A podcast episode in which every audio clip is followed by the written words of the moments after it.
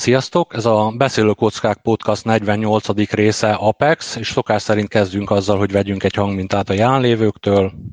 Sziasztok, Weber Gábor vagyok, az M4 Sportform egy szakkommentátora. Papu, mondasz valamit? László vagyok, nyugdíjas. Szervusztok. Gergő.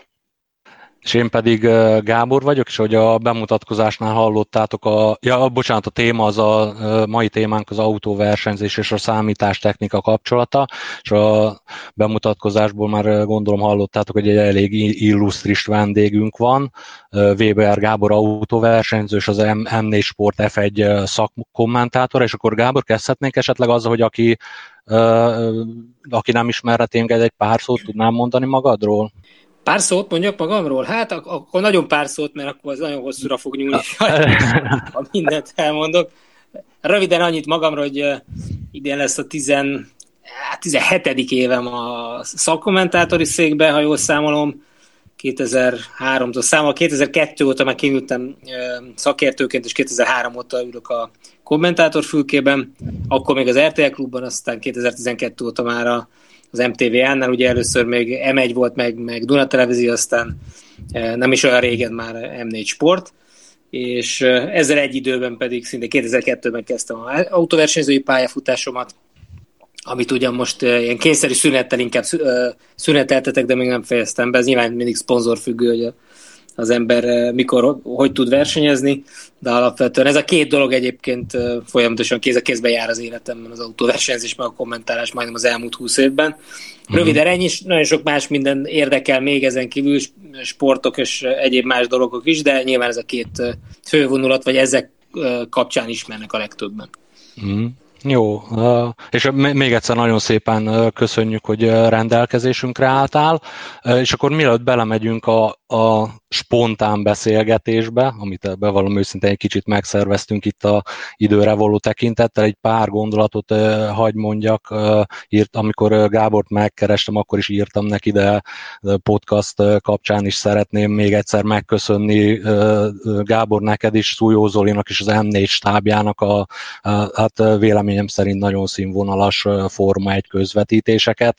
Nem akarok itt én régisebbeket így föltépni, de volt, amikor ez hogy mondjam, nem voltak ilyen jók a közvetítések, illetve sajnos Attila aki uh, most uh, szokott részt venni itt a podcastban, most nem tudott uh, eljönni. Vele mindig volt egy ilyen csörtém, hogy ő ugye Angliában él, és mindig méltatta a BBC, meg most már azt hiszem ott a Sky, Sky Sportson van a, a Forma 1, mindig Igen. méltatta a kinti közvetítések színvonalát, és most már vissza tudok neki vágni, hogy nálunk is nagyon-nagyon jók a közvetítések, illetve még egy dolgot, amit így megemlítenék ezzel kapcsolatban, a, a külön kalapelem emlés, és nagy-nagy köszönet a tavalyi monzai esős időmérő közvetítésről se kapcsolatban a Diana vers fordítás, jó, nagyon, tehát jobb volt, mintha az időmérő mert lett volna, nagyon jók voltatok Zolival. Köszönöm, hát a többiek nevében is köszönöm, mert nyilván ez egy, ez egy nagy stáb, amiből a legtöbbször kettőnket halljátok, látjátok Zolival, miközben nagyon sokan dolgoznak azért, hogy, hogy ez a műsor olyan fogyasztható, meg olyan színvonalú legyen, amilyet szeretnénk, vagy ami, ami miatt most te is szóba hoztad. Nyilván nem ugyanaz, mint egy Sky stáb, vagy egy BBC stáb, ahol Sky-nál több mint 70 hanem 80-an dolgoznak kint a helyszínen.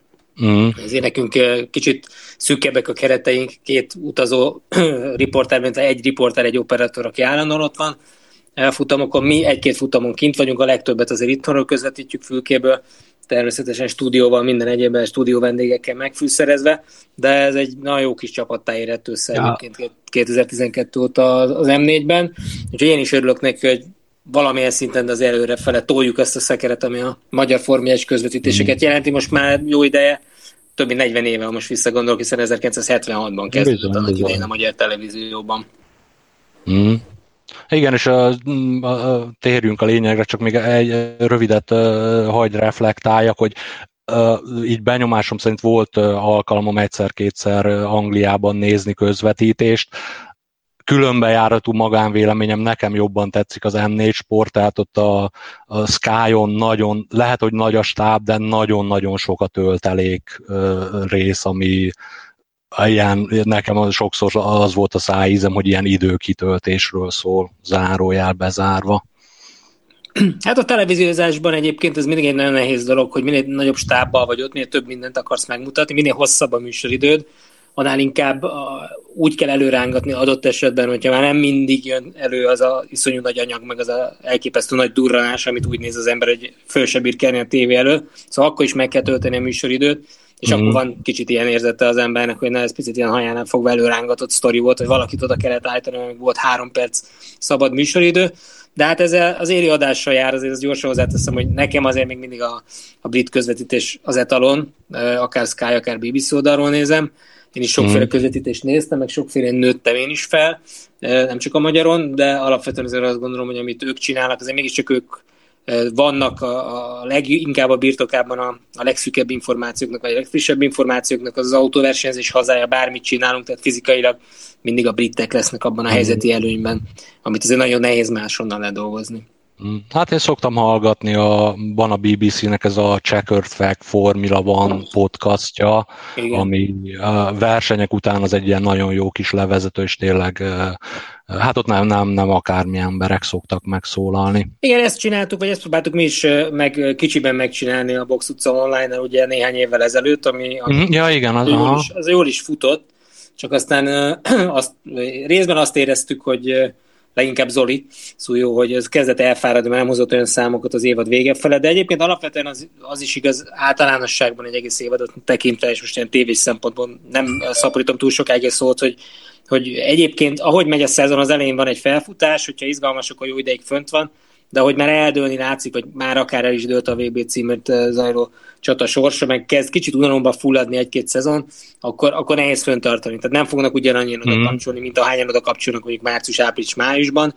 Mm. Lehetetlen megcsinálni folyamatosan ugye ezzel a nézőszámmal. Nyilván az évad zárónak mindig van megint egy ilyen utolsó, na akkor még oda kapcsolok, mert megnézem, mi van a végén de alapvetően azért ezek állandóan változnak ezek a számok. Én nagyon szerettem a Box utca online-t, és, eh, és lehet, hogy újra is kezdjük más formában, vagy picit máskor, picit máshogy, mert nekem ez a fajta interaktivitás, vagy ez a szabadabb stílus, ez, mm-hmm.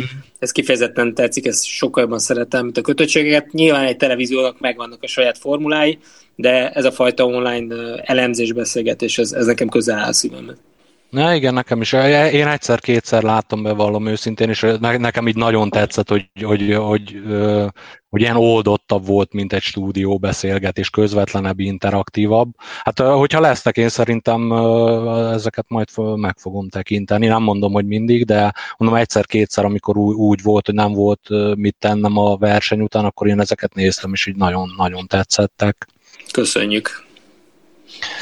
Jó, és akkor nem akarom Winston Wolfot idézni a, mi ez, ponyvaregényből, akkor mo- most pár spontán kérdést, hogyha megengeded, uh, föltennénk neked, és akkor egy kicsit itt leosztottuk a lapokat magunk között. Apu, akkor uh, ellőnéd az első kérdésünket?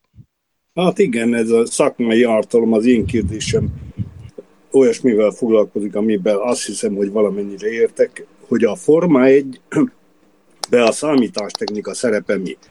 Pontosabban közvetítésekben látom, hogy rengeteg képernyő előtt ül nagyon sok ember.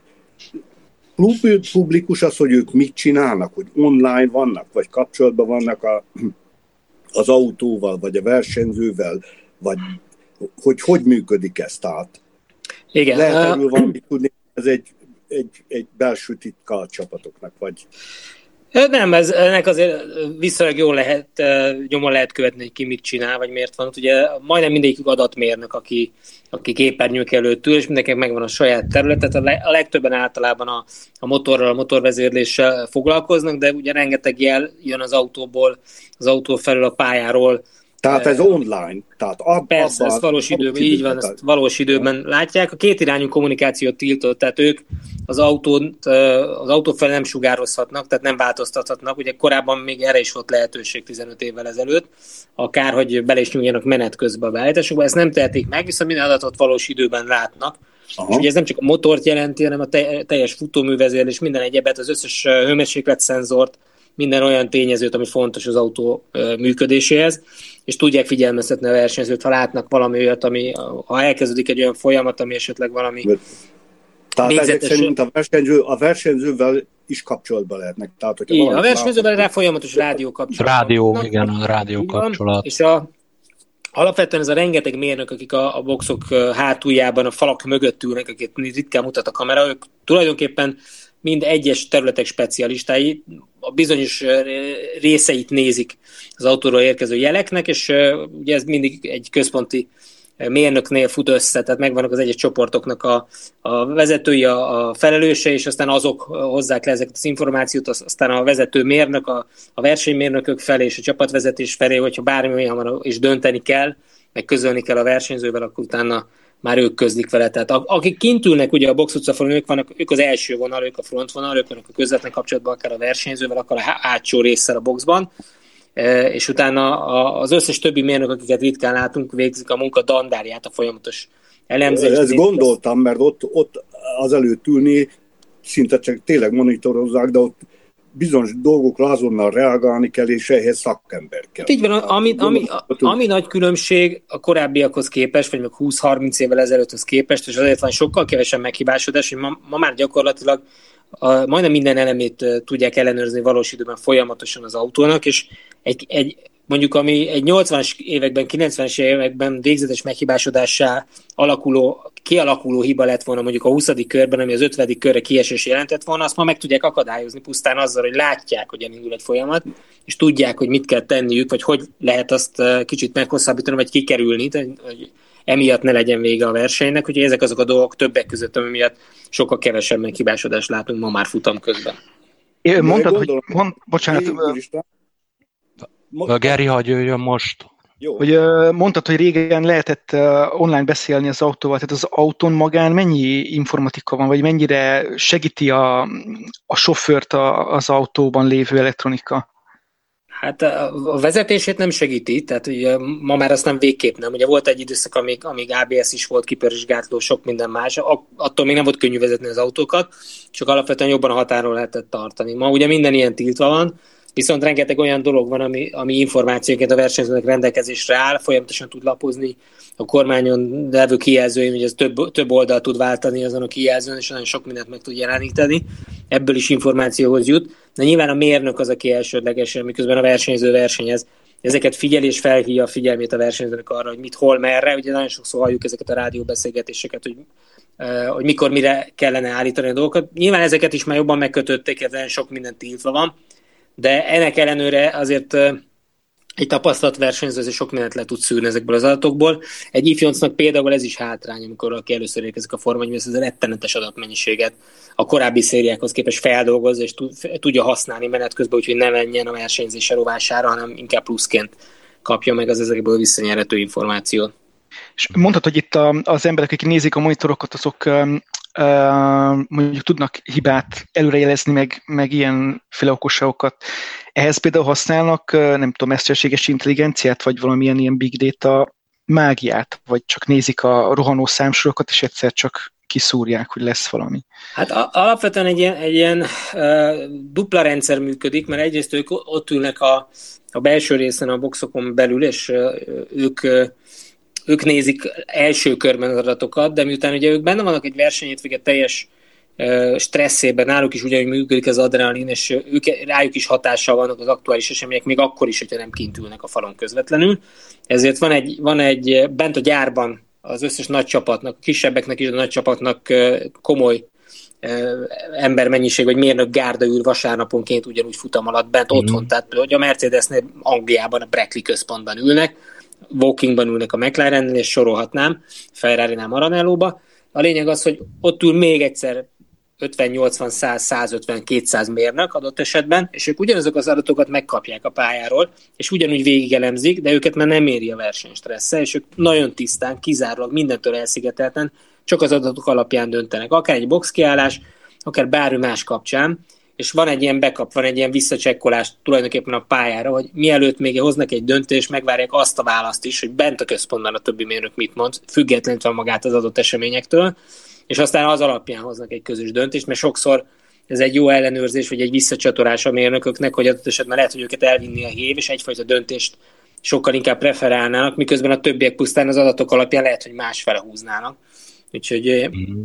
Van egy ilyen fajta, hát ez egy elég komoly háttér egyébként, ugye még ott 100-150 embert tartani a bázison futam közben, nem véletlen, hogy ezer, ezer fő fölött vannak a legnagyobb csapatok összlétszám szempontjából, mert hogy nem is mindenki a verseny hétvégén tartózkodik a versenyhelyszínen, hanem sokat, többen is vannak egyébként a gyárban bent ilyenkor, akik ugyanúgy a versenyt nézik és figyelik. Úgyhogy a mesterséges intelligencia jó kérdés, nyilván ilyen mélységben én sem tudom, és azt el tudom mondani, hogy a Forma egy ilyen szinten is nagyon előjár, tehát amit számítás technikai szoftveresen ki lehet hozni, és a, a, amit a szoftver fejlesztésének meg lehet oldani, iszonyú nagy koponyák önök a Forma 1 is.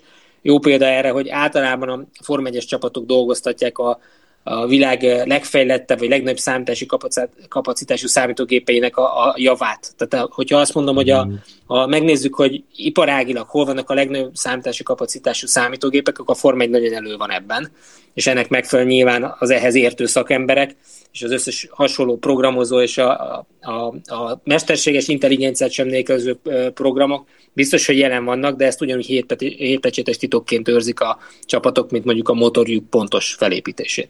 Mm.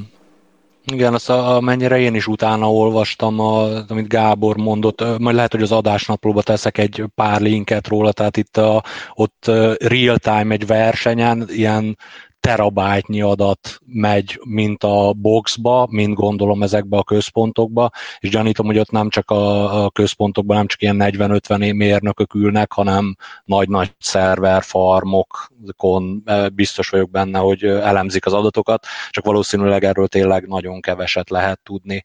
És még ehhez a témához egy kérdés, aztán menjünk a következőre, hogy a, ez csak ilyen kis kulisszatitok, hogy a, amikor ti közvetítetek, a, a, ti a, mit tudom ezt a Forma 1-es appon keresztül látjátok a köridőket, vagy hozzáfértek a Forma 1 hivatalos időmérő rendszeréhez? Vagy ezt titok? Mi is az, nem titok, mi is az applikációt használjuk, az applikációnak a pro verzióját, tehát a, Aha. a legtöbb adatot tartalmazó fizetős verzióját. Le, bocsánat, hogy... Egy Bocsánat, közvetek, ez mindenki számára elérhető? Tehát ez letöltjük a telefonra, Igen, és a előfizetés? És... Elő, elő, előfizetsz rá, és lá, ugyanazt látod, amit én. Aha, na ez, ez jó tudni. És, már, már készít is a tárcát, mi? Nem, volt, volt nekem egy ilyen, csak azóta annyira jó, tehát én volt, hogy előfizettem egy szezonra, de most annyira jók a közvetítések, hogy nem, nem kell nekem ott a számokból kihámozni, hogy mi a helyzet, hanem Zoli meg Gábor mondja, tehát ezzel megspóroltam magamnak egy forma, egy előfizetést. Hát figyelj, én egyébként azt mondom, hogy én, én nem tudnék úgy Forma nézni már, meg autosportot, hogyha egyébként rendelkezésre áll hasonló adatsor, akkor ne nézzem egyszerűen. Nyilván ez a saját preferenciám, meg egy ilyen belső készítés, hogy minél többet szeretnék látni, vagy mhm. átlátni az adott helyzetből. Így közvetíteni is nyilván sokkal könnyebb, de közvetítés nélkül még könnyebb lenne, hiszen nem kellene figyelnem a monitort, nem kell figyelnem a képernyőt minden pillanatban. Mm. Hiszen azért az, az a nem árulok el nagy titkot, hogy nagyon sokszor, amikor én adatokat nézek mondjuk, mert keresek valamit, és meg akarok nézni adott helyen különbségeket, szektoridőket futam közben bárhol, akkor ugye nem nézek a monitorra és mondjuk mm. ilyenkor az Oli beszél is történik valami, akkor abban az öt másodpercben, de lehet, hogy tízben én lemaradok arról, ami történik, de én tudom, hogy ő kontrollál mindent. Viszont, hogyha valamire reagálni kéne, és utólag reflektálni, akkor nekem az kiesett.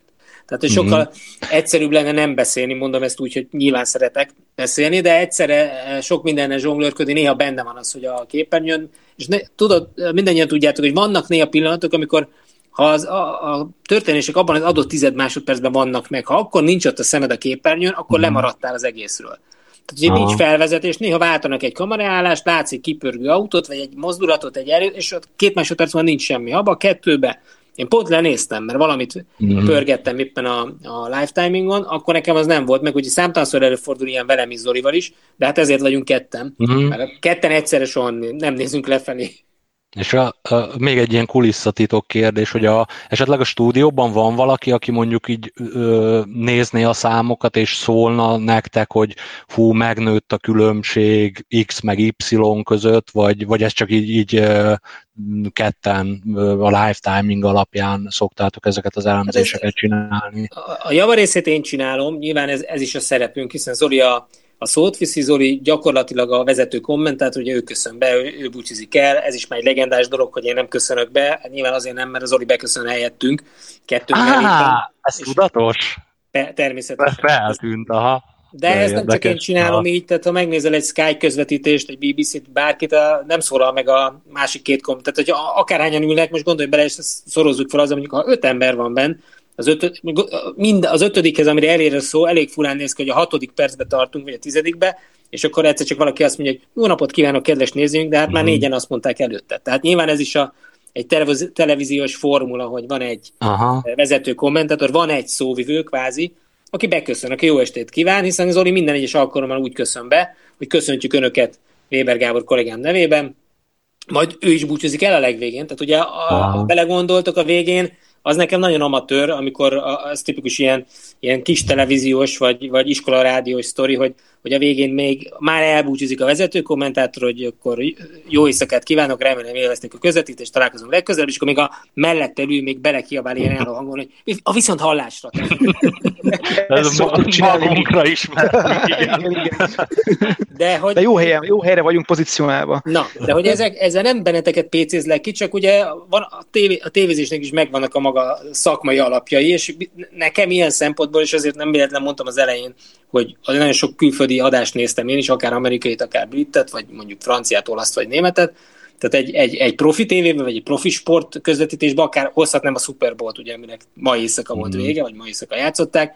Tehát ha megnéztek egy ilyet, mondjuk Amerikában azért nagyon tudják, hogy hogy kell sportot közvetíteni, ott tényleg a lead kommentátor az, aki viszi a szót, aki beköszön, aki mm. elbúcsúzik, a többiek meg ott vannak, és automatikus, hogy mindenki nevében köszöntöm őket, és mindenki nevében elbúcsúzom. És ehhez már nem kell kiszólnom nekem ott szakértőként a nézőnek, nekem az Olival kell beszélni, és vele együtt megosztva kell információkat közölnöm, amit persze mindenki hall a tévé előtt. Egyébként megadott esetben, amikor beszélgetünk, és akármilyen történés van, akkor én is kiszólok a nézőknek sokszor. Tehát, hogyha olyan formula van, vagy olyan dolog történik, akkor simán én is azt mondom, hogy ahogy önök is látják, tehát utalok a nézőre.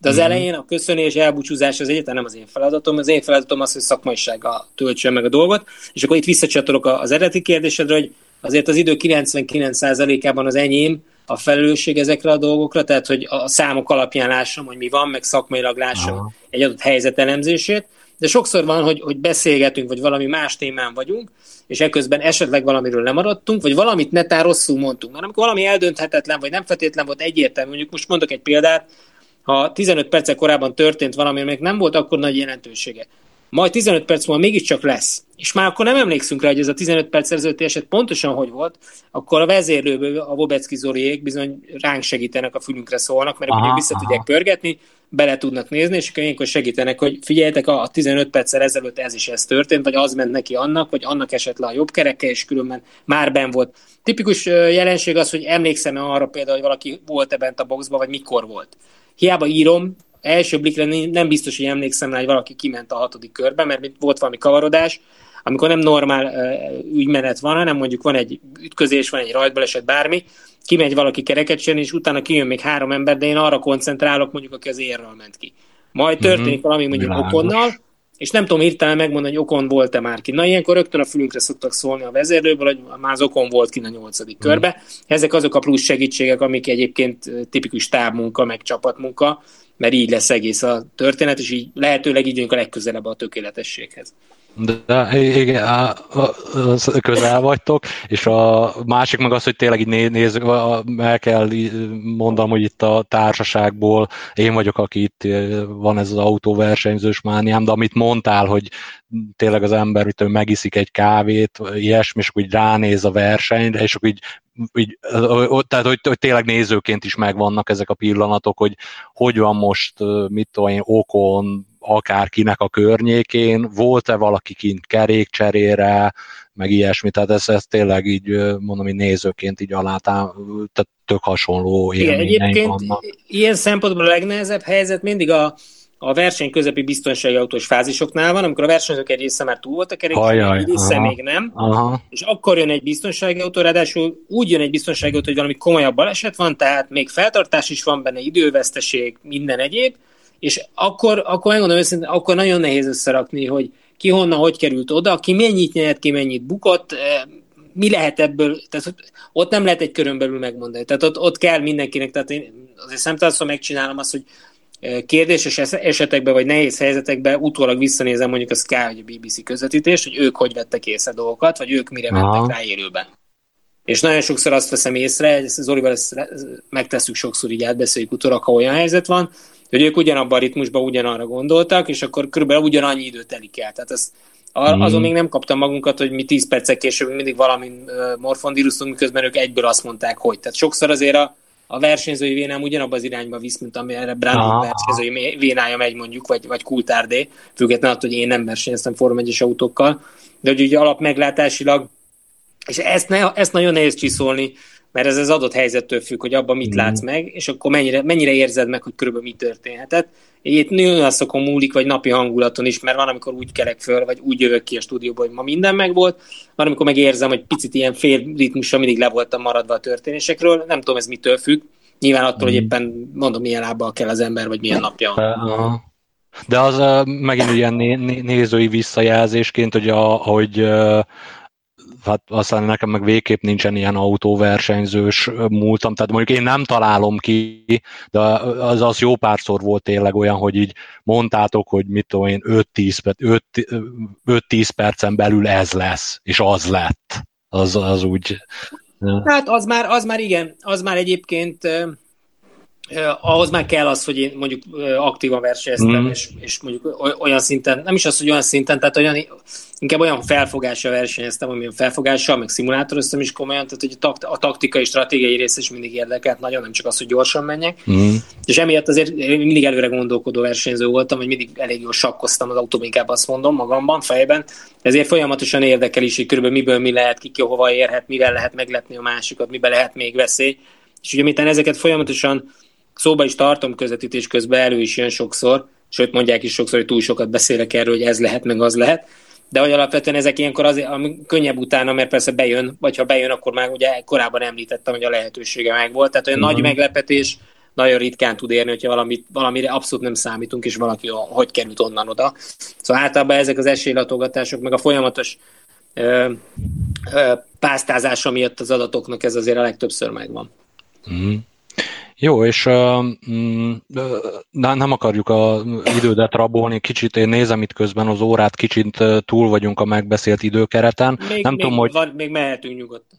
Jó, még lenne akkor két kérdés talán, amit ugye írtam neked, a, a, és akkor ugye Geri kilőtte az övét, és akkor spontán módon az én kérdésem a, az lenne nagyon röviden, hogy a, így a, a, a, tehát a szimulátorok, számítástechnika és szimulátorokról mi a meglátásod, amit így fölírtam magamnak jegyzetbe, ugye, hogy no, Mihelis Norbinak is uh, szimulátoros háttere van, van ez a Lukas Ordonyez nevű csávó, aki megnyerte az első GT Akadémiát, és hát ő, ő belőle nagy GT versenyző lesz, azt hiszem a Nissannak a Delta Wingjének volt a tesztpilótája, amit most csak azért említek, hogy nem a tudásomat akarom én itt csillogtatni, hanem tényleg szimulátor háttérrel nagyon úgy néz ki, hogy, hogy be lehet tör, belépni az autóversenyzésbe, illetve még egy nevet említenék, ez a Jammar Demboro, aki hát mostában nem nagyon hallottam róla, ő is GT Akadémiából jött, és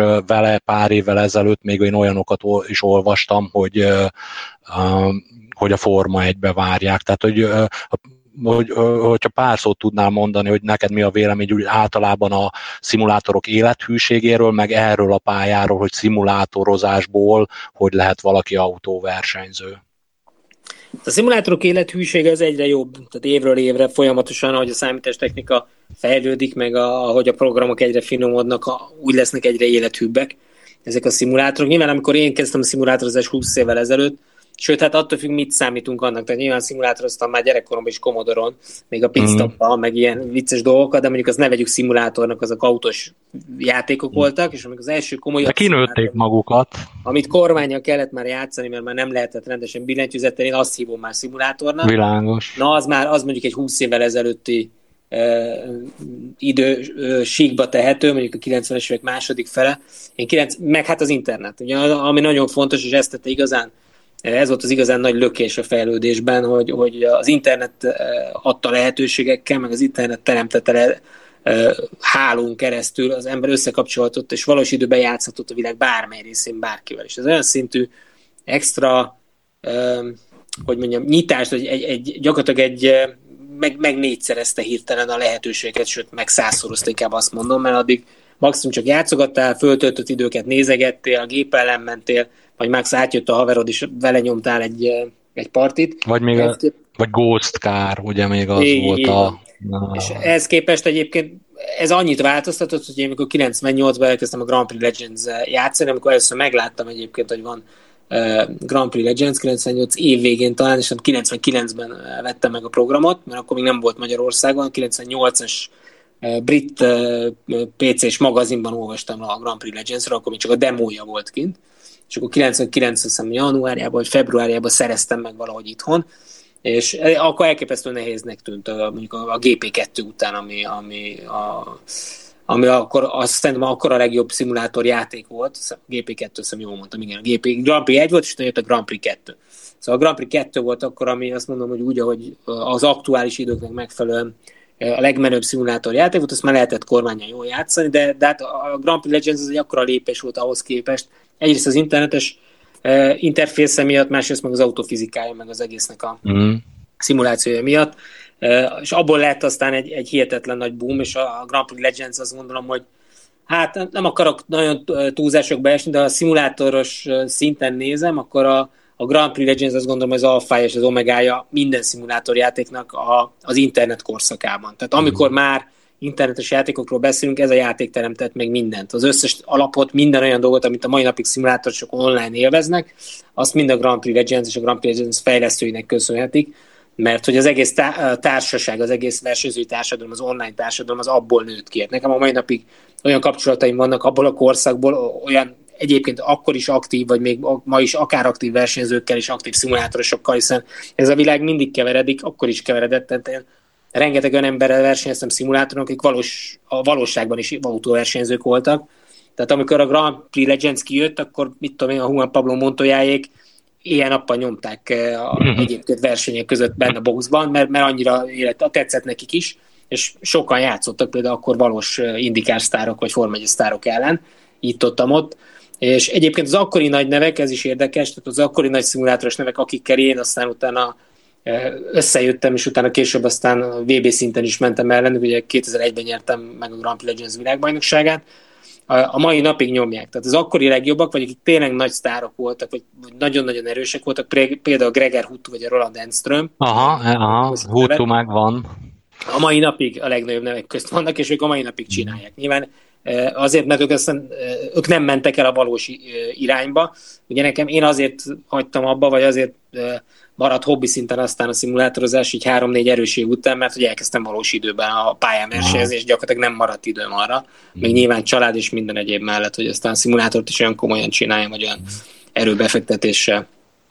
Az a, az a videó esetleg megvan, és akkor uh, még Gerinek lesz egy kérdés, csak hogyha már Greger Huttu szóba került, amikor uh, adásnaplóba be fogom majd tenni, meg elküldöm neked, hogyha nem láttad, amikor uh, uh, Road Atlanta tába elvitték, Persze. és a csávónak nem volt jogsia, és azt hiszem egy ilyen másodperccel maradt el, a, a, tehát másodperces nagyságrendel maradt el a, abban a kategóriában a jó időtől, meg egy kicsit rosszul lett, az, igen, az egy vicces videó. Hát igen, mert ugye a Greger nem egy, nem egy hogy mondjam, nem egy, nem egy jól edzett srác, ő egy nem.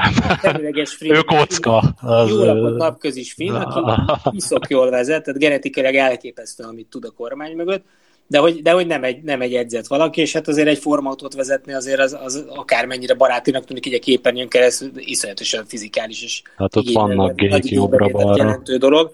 És ott a Greger nem volt jól, igen, de egyébként nem ment rosszul. Tehát ahhoz képest, hogy egyetemben először ült jogsinak mm-hmm. autóba, versenyautóba, ahhoz képest piszok jól ment, azon az egyébként sem egyszerű pályán. Úgyhogy De nem, az ott van, van egy-két trükk. De érdekes a kérdés, amit mondasz, vagy így ez a felvetés, hogy ez, ez és nyugodtan erre a részre is akkor térjünk ki, mert ez adja magát ez a kérdés itt, hogy, hogy ez egyben azt is jelenti, hogy, hogy aki szimulátoron jó, abban megvan az érzék, de nekik csak egy bizonyos százalékkal lesz jó a valós életben is. Tehát nem minden versenyző mm. tud azonnal átváltani egy jó szimulátor és a való világban, mert bizonyos dolgok miatt mégsem. Lásd a fizikai adottságok, meg bizony a, a félelemfaktor, vagy akár a félelem hiánya, az ugyanolyan probléma. Aha. A versenypályán, ha nincs meg benned a félelem, mert úgy nyomok egy rizetet és megyek tovább, akkor az nem működik. Tehát egy egészséges félelem kell, legyen benned, hiszen azt tart kontrollban. Félelem nélkül minden második kanyarba összetörnéd az autót meg magad. Pont a, a kontrollált félelem. Tehát az, hogy tud, hogy meddig mehetsz el, de tud, hogy a fölött már az elég nagy veszély van annak, hogy megtöröd az autót, vagy akár magad is megsérülhetsz. És pontosan ezt a félelmet kell tudni kontrollálni, és, és inkább azt mondom, hogy a jó versenyzők azok nem félnek addig, amíg tudják, hogy addig elmehetnek, addig nincs semmi félelem. A határ után probléma van, de akkor már nincs időd megijedni vagy félni. Tehát alapvetően így működik egy jó versenyző, pontosan jól felméri, hogy mik a veszélyek, de ezeket a határokat egészen jól egyensúlyoz. Inkább azt mondom, a határon egyensúlyoz jól, míg egy, míg egy amatőr, vagy egy, vagy egy kisebb képességekkel rendelkező versenyző, az néha el tudja találni ugye ezt a határt, de csak néha, és ebbe ez nagyon fontos. Ez ugyanaz, mm. mint hogyha te lemész, és azt mondják neked, hogy dobj egyet a darts táblára, és lehet, hogy egyből dobsz egy tripla, tripla 20 és úgy érzed, hogy mekkora király vagy. A különbség az, hogy te ezerből fogsz egyszer dobni, vagy százból egyszer fogsz egy tripla 20-as dobni így vaktában, a profik meg minden másodikra tudnak dobni egy tripla 20-ast, hogy ha jó szériájuk van, akkor 10-ből 9-szer. És Tehát, nem csak, hogy, hogy tudnak, hanem nekik kell dobni. Így van, Tehát és meg is gondolom, dobják. Hogy... És ugyanez a helyzet a versenyautóban. Tehát hogy ahhoz, hogy valaki minden kanyart, minden féktávot, minden kigyorsítás pontosan a tapadás határon is jól csináljon meg, ahhoz nagyon jó autóversenyzőnek kell lennie egy-egy, egy-egy kanyar, egy-egy féktáv, egy-egy kigyorsítás mindenkinek kijöhet, de összességében nem tudja folyamatosan hozni azt, mm. amit, egy, amit egy jó versenyző. Jó, végtelen kérdésem lenne, de, de nem akarjuk tényleg az időt rabolni, viszont Garynek ő nagy környezetvédő, meg a spontán forgatókönyvben még akkor neki lenne egy kérdése számodra. Na parancsolj, Geri. igen, igen, az a kérdés, ez egy visszatérő téma nálunk a, itt a beszélő kockákban, ez a környezetvédelem, meg a Földnevű bolygó, hogy uh, miért jó az emberiségnek az autóversenyzés azon túl, hogy egy páran jól szórakoznak. A Gábor mondjuk például azzal szokott engem csitítani, hogy, hogy technológiák mennek át a mainstream autókba, és ettől sokkal környezetbarátabbak az autók, meg inek, hogy ez, tehát ez mennyire működik Hát az a baj, hogy most azért foglak megfogni, mert elmentél egy elméleti síkra, ami, jog, ami bizonyos szempontból jogos, én meg még jobban kifordítom, még elméletibb síkra megyek, most már inkább azt mondom, hogy kicsit inkább filozófiai síkra megyek, nem is környezetvédőre. Az a szó, szokás, szokásunk, tehát. Miért, ha innen nézem, egyetem miért jó az, hogy vagyunk? Tehát miért, vagyunk, miért vannak itt az emberek? Emberek nélkül sokkal egyszerűbb lenne minden. Senki nem pusztítaná szennyezni a környezetet, illetve de hát amit az állatok kilélegeznének magukból lenne éppen megfelelő széndiokszid, meg egyebek, de hogy akkor meg, érte, tehát akkor meg, akkor meg gyönyörűen búrjánozhatna minden növény, senki nem, senki nem szemetelne, hát akkor menne magától az ökológiai körfolyamat, és akkor senki nem szólna bele, senki nem avatkozna bele, és valószínűleg akkor is lennének jégkorszakok, meg akkor is lennek felmelegedési időszakok, és minden egyéb, hiszen semmi sem állandó, hanem egy folyamatos változásban van a, a Föld, mert mindig érik különböző behatások, mert már csak abból indulsz ki, hogy a, a nap sem folyamatosan állandó hőmérséklet, és napfiharok vannak, meg minden egyéb, tehát már, és az mind hat a Földre, meg a Hold is, tehát nincs egy állandósulás. Innentől kezdve hol a határa, hol meghúzod azt a kérdést, hogy miért jó az, hogy versenyzünk. Akkor vegyük el a versenyzést, miért jó az, hogy ennyi áramot fejlesztünk, akkor vegyük el azt is, miért van színház, miért, miért, miért van ennyi fölösleges közlekedés, érted? miért van szállítás, és a végén, ha lecsupaszítod, akkor visszajutunk gyakorlatilag a kőkorszakba, mert akkor ne legyen semmi. Tehát Ez egy nagyon jó, nagyon jó felvetés. Ajánlom neked egy... És ne, ne gyilkoljunk állatokat, még szörmese legyen rajtunk, és mind megfagyunk, és éjjel igen, ajánlom Christopher Ryan munkásságát ebben a témakörben. Ez egy nagyon-nagyon jó felvetés. Adás, majd az adásnaplóba de most már nagyon elrugaszkodtunk a, a Forma 1-től. igen, igen, igen, igen. akartam mondani. A közvetlen válaszom az meg az, hogy, hogy én azt gondolom, hogy a Forma 1 nem kell, tehát ahogy, ahogy egy környezetvédőnek nem kell elsősorban a Forma 1 foglalkoznia, hanem a környezetvédelmével kell úgy általánosságban. A Forma 1 egy nagyon pici szelete. Ugye a Forma 1 se, sem kellene és nem is kell elsősorban a környezetvédelemmel foglalkoznia, az csak egy nagyon pici szelete kell, hogy lenne a Forma 1 mert hogy ez a 20 autó, vagy majd, hogyha úgy lesz, akkor 22 vagy 24, vagy tudom is én, tehát ez nagyjából 20 autó, ez, ez semmit nem jelent abból a szempontból, amennyit az összkörnyezetszennyezés, az összkörnyezeti teher, amit é, ami éri a világot egyébként tömegközlekedésből, iparból, minden egyébből. Tehát ez egy, ez egy gyakorlatilag egy láthatatlan valami, Na igen, de a másik, tehát a másik oldalról viszont, hogyha tehát tényleg igaz az, hogy mondjuk vannak olyan technológiák, amik átkerülnek a, a normális autókba, amiktől azok hatékonyabbak lesznek, akkor lehet, hogy, hogy, hogy szummában még akár jól is jövünk ki, tehát ez lenne a, igazából a kérdés, hogy ez mennyire látszik, vagy mennyire létezik, vagy mennyire tudsz olyan dolgokról, amik először a Forma 1 jelentek meg, és utána mondjuk most megveszek egy autót, és benne van és attól az én autóm az mondjuk kevesebbet fogyaszt. És bocsánat, csak egy dolgot itt vetnék közben, Gerivel volt már ebben a témában pár pengeváltásunk, tehát amit én erre mondtam, de Gábor, nagyon kíváncsi vagyok a véleményedre, az ugye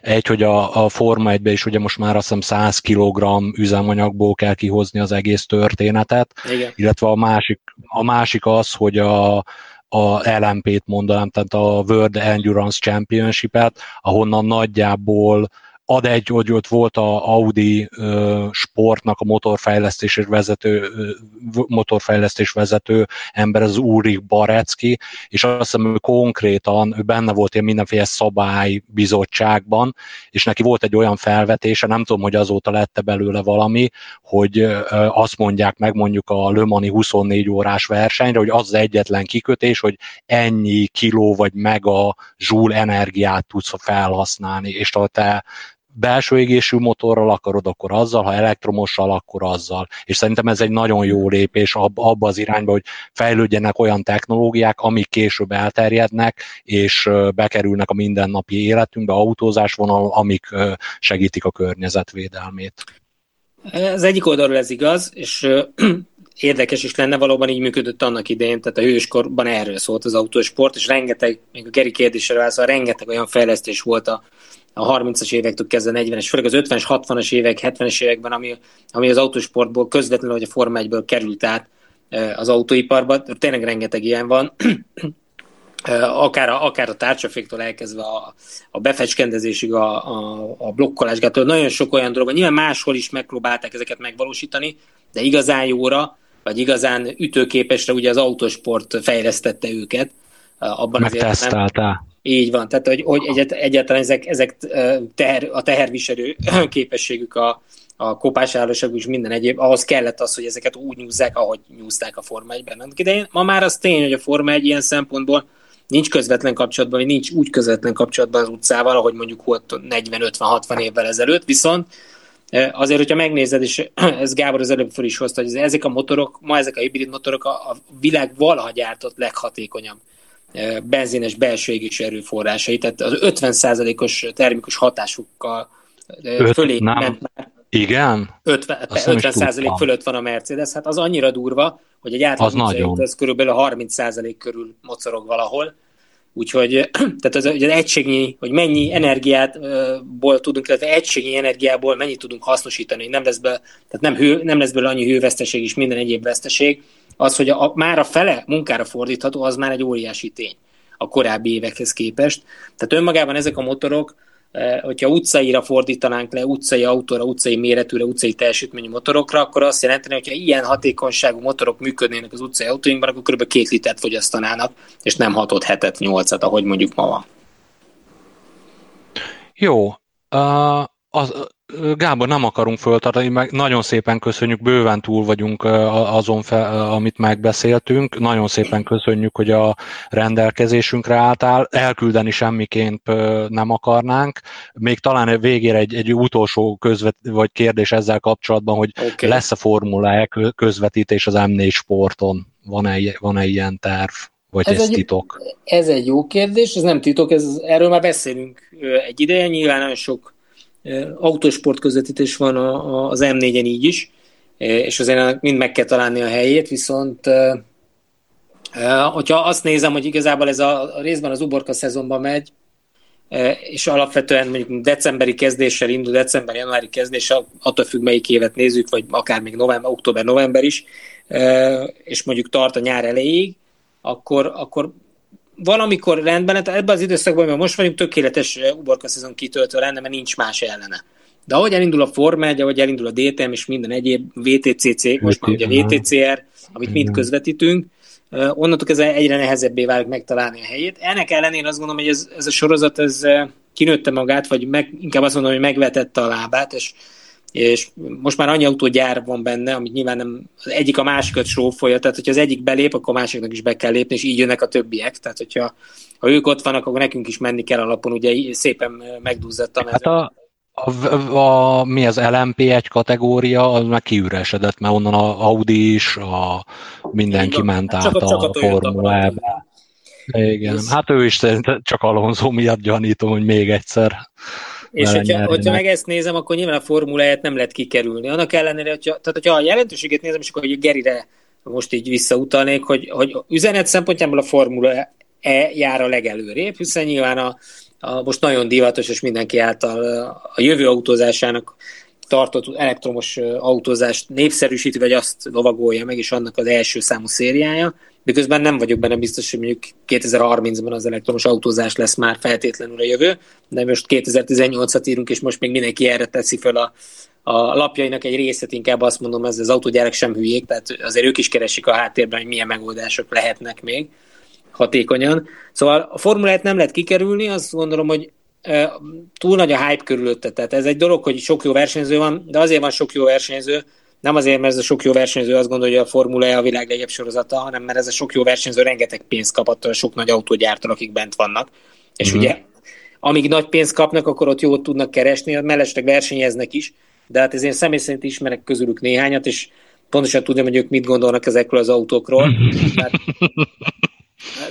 lassúak és nehézkesek, nehéz őket vezeti, az tény, de hogy se tempó, se élmény, viszont nagyon jó pénzt kapnak érte, és igazából tök jó mezőny van, tehát jól el tudnak egymásra versenyezgetni, jó buli.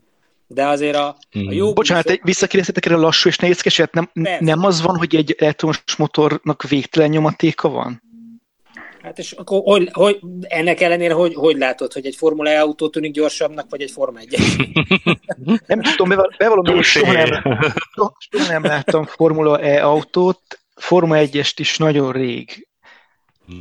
Na, De hát nem, a, nem egy tudom. Hogyha... autó körülbelül 1000 lóerő ma, addig a, addig a Formula E autó az 230 lóerő, és mondjuk 230-240 között van, és maximális edzés beállításuk a 270, E, és mondjuk a végsebessége 220 környékén e, tetőzik, még egy Form 1 autó az mondjuk pályától beállítástól függően a 370-380-at is eléri, és akkor itt a dinamikus tényezőket így nagyjából el is mondtuk. Tehát így függetlenül hogy a gyorsulás persze teljesen más a, más a nyomaték karakterisztika, más a vezethetőség. Tehát nyilván azonnal rendelkezésedre áll szinte minden, mint egy vasút, elektromos, vagy egy villanyvonatnál, amikor rátekertem a kakaót tudod, a h 0 szettemre, és akkor rögtön megindult a mozdony. Tehát ugyanez a helyzet itt is, csak ugye ezt át kell tudni vinni a talajra, és akkor már, onnantól kezdve már nem lesz olyan egyszerű, tehát végtelen nyomatékot hiába generálsz, a nyomatékot mindig ott a mhm. határ, hogy mi az, amit el tudnak vinni még a hajtott kerekek.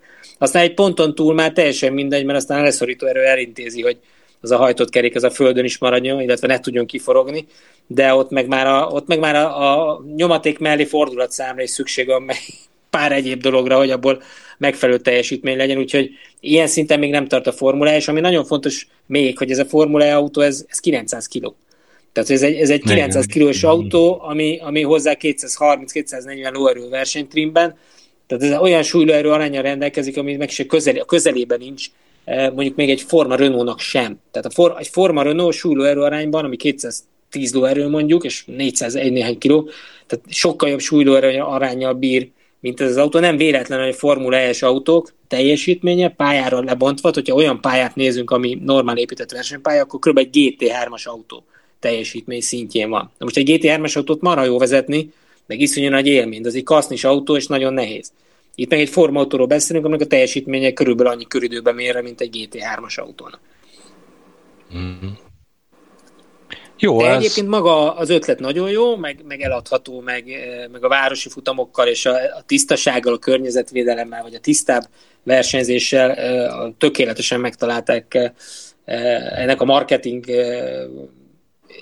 fő vonulatait, vagy a fő hívószavait marketing szempontból de soha nem fogja átvenni a Forma egy helyet. Tehát amíg, amíg itt tartunk, és amíg ilyen eltérések vannak, addig, addig nem is versenyezhet a Forma 1 de, de nyilván egy érdekes színfolt, és mondom, hogy a legnagyobb autógyárak itt vannak most egy helyben összetolulva, szinte a világ összes sorozatát, ha a szemügyre vesszük, akkor itt csoportosul most rengeteg óriás tőkes, nagyon nagy know-how ebből, a szem, ebből az elektromos autózás szempontjából, ezért ők meg tudják fizetni a, a legjobb versenyzőket, akiknek nincs helyük a Forma 1-ben, de mégis elég jók ahhoz, hogy itt menjenek, és ezért most minden versenyző jó piacnak érzi a formulát, nem véletlen van nagy mezőny, és nem véletlen van jó mezőny, mert mind jó, mind jó keresnek ezzel. Ez így végszónak jó lesz, és akkor Hú Gábor, nagyon-nagyon szépen köszönjük, hogy e, e, eleve, hogy rendelkezésünkre álltál, meg hogy így túl tudtuk lépni a, az időkeretet. Mit, itt majd lehet, hogy egy vágás lesz, mit még majd okay kitaláljuk, hogy még azt hittük, hogy rövidebb ideig tudunk veled beszélgetni.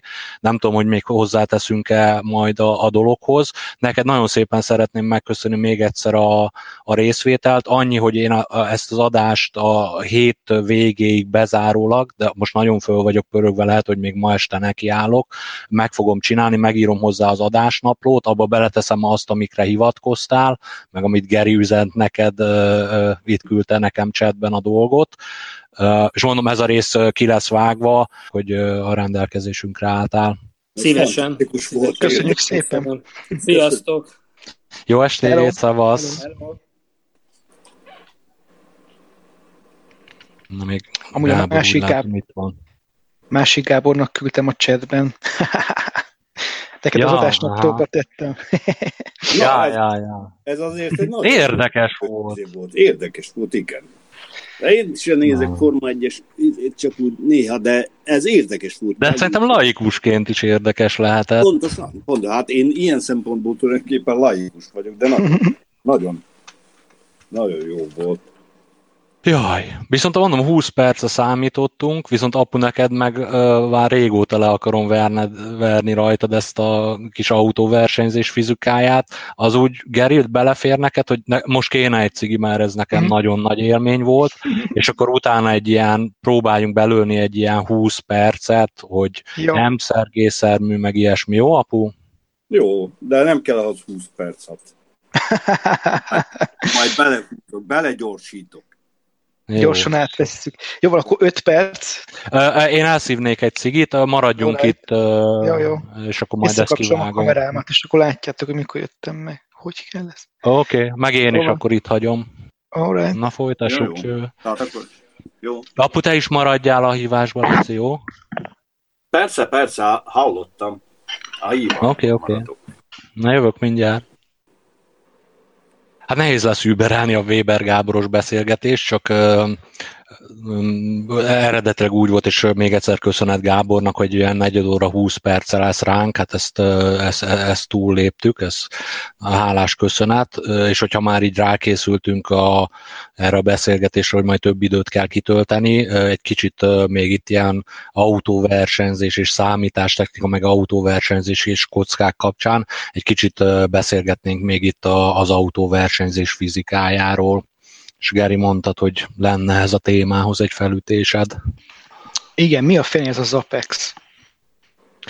Az Apex, jogos, a, majd kif, remélem ki fogunk rá térni, tehát a, az a, a, a, egy autóval úgy lehet a, a leggyorsabban átmenni egy kanyaron, és most vegyünk egy, meg így a beszélgetéshez egy, egy derékszögű jobbos kanyart, hogy a, a, a, és alulról mész bele a kanyarba, akkor a, a, ezt úgy kell bevenni, remélem majd itt apu tud segíteni a, ennek a fizikájának a megértésében, hogy a bal szélről indulsz, elkezdesz kanyarodni, érinted a ö, kanyarnak a belső ívét, ezt hívják Apexnek, tehát az Apex az a pont, ahol a kanyar belső ívét érinted a kanyarban, és utána úgy tudsz leggyorsabban ebből a kanyarból kijönni, hogy a ugye jobbos kanyarnak a autó vezető szempontjából a bal oldaláig vezetett ki az autót.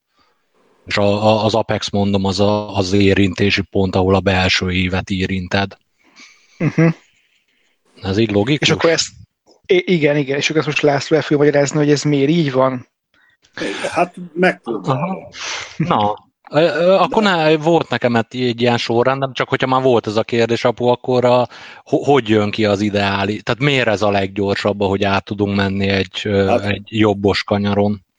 Azért, mert a, de hát ehhez kell a fizika, tehát ez, ezért kell egy pár dolgot mondani, ugye, mert a megcsúszás határán, ahogy a előző is mondta, a megcsúszás határán kell vezetni.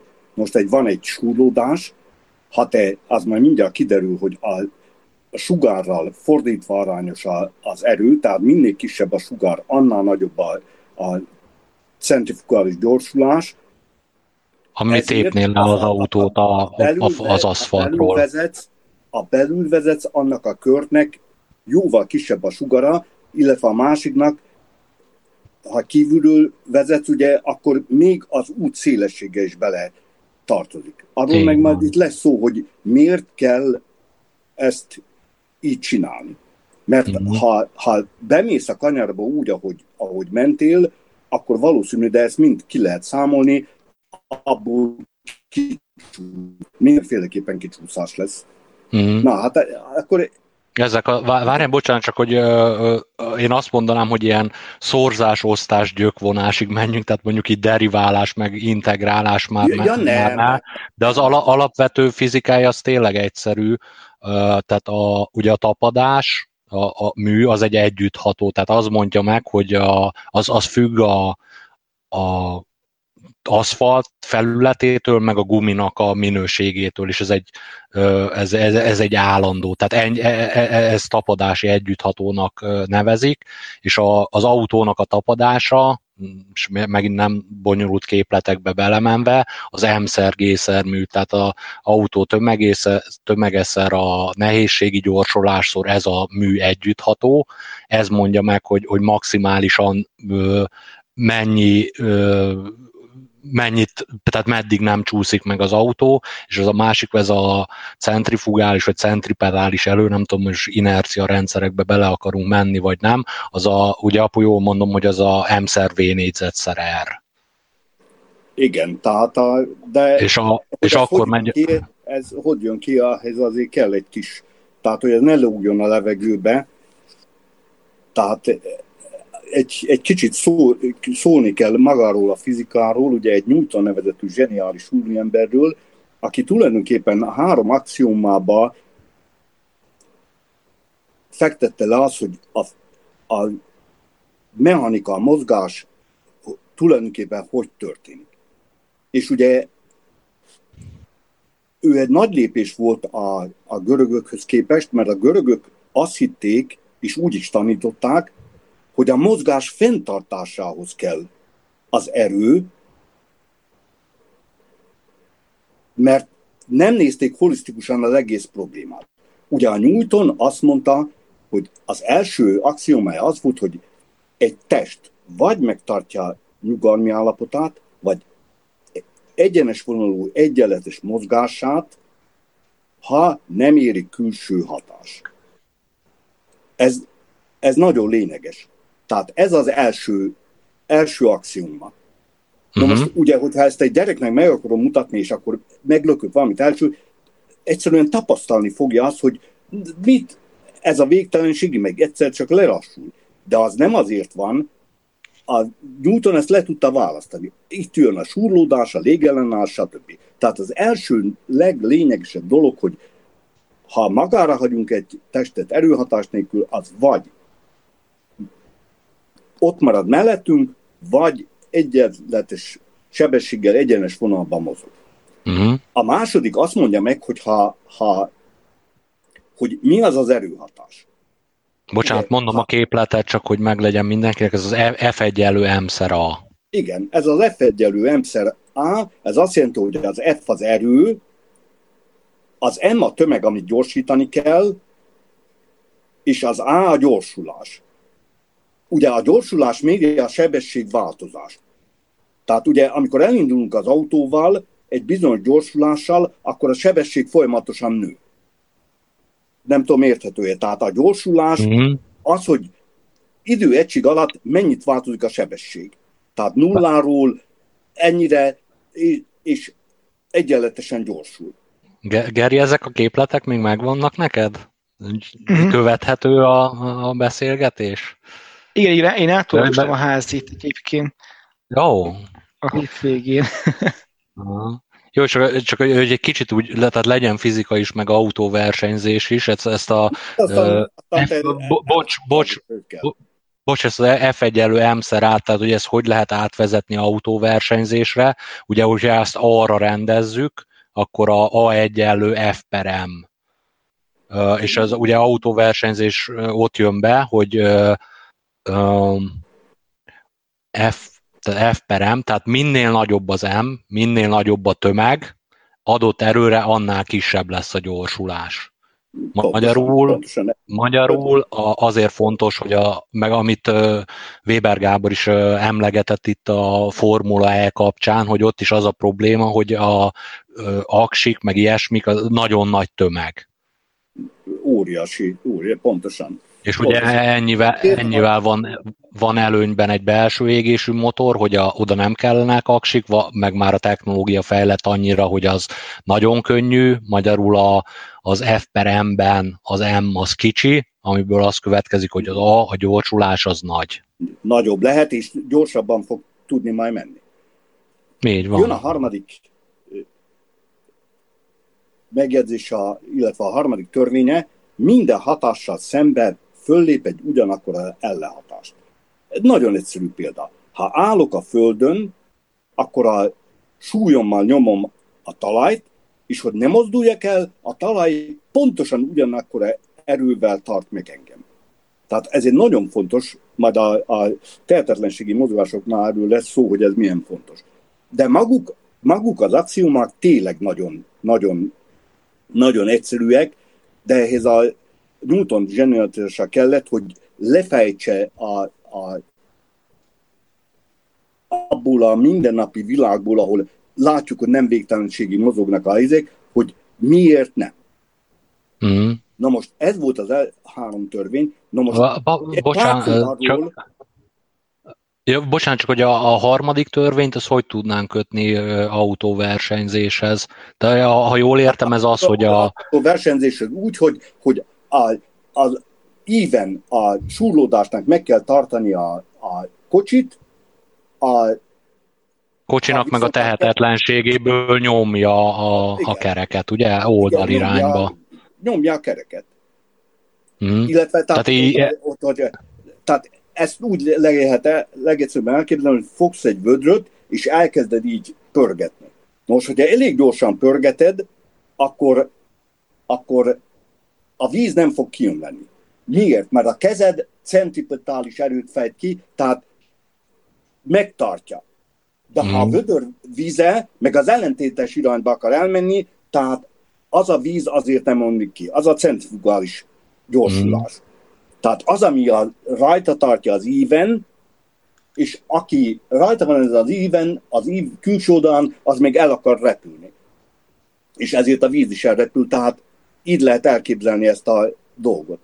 Mm. Na és akkor e- e- e- ennek kapcsán egy pár szó a inercia rendszerekről. Majd, majd, majd mindjárt, de itt még, itt még ja, van, bocsánat. Egy, van, van egy érdekes dolog, tehát a következő, amit ugyan ide nem, és az autóversenyzésben csak furcsa módon szerepel, tehát a, a, a súlyerőbe, hogy a Newton emellé oda tette még azt a tömegvonzásnak a, a képletét, hogy két tömeg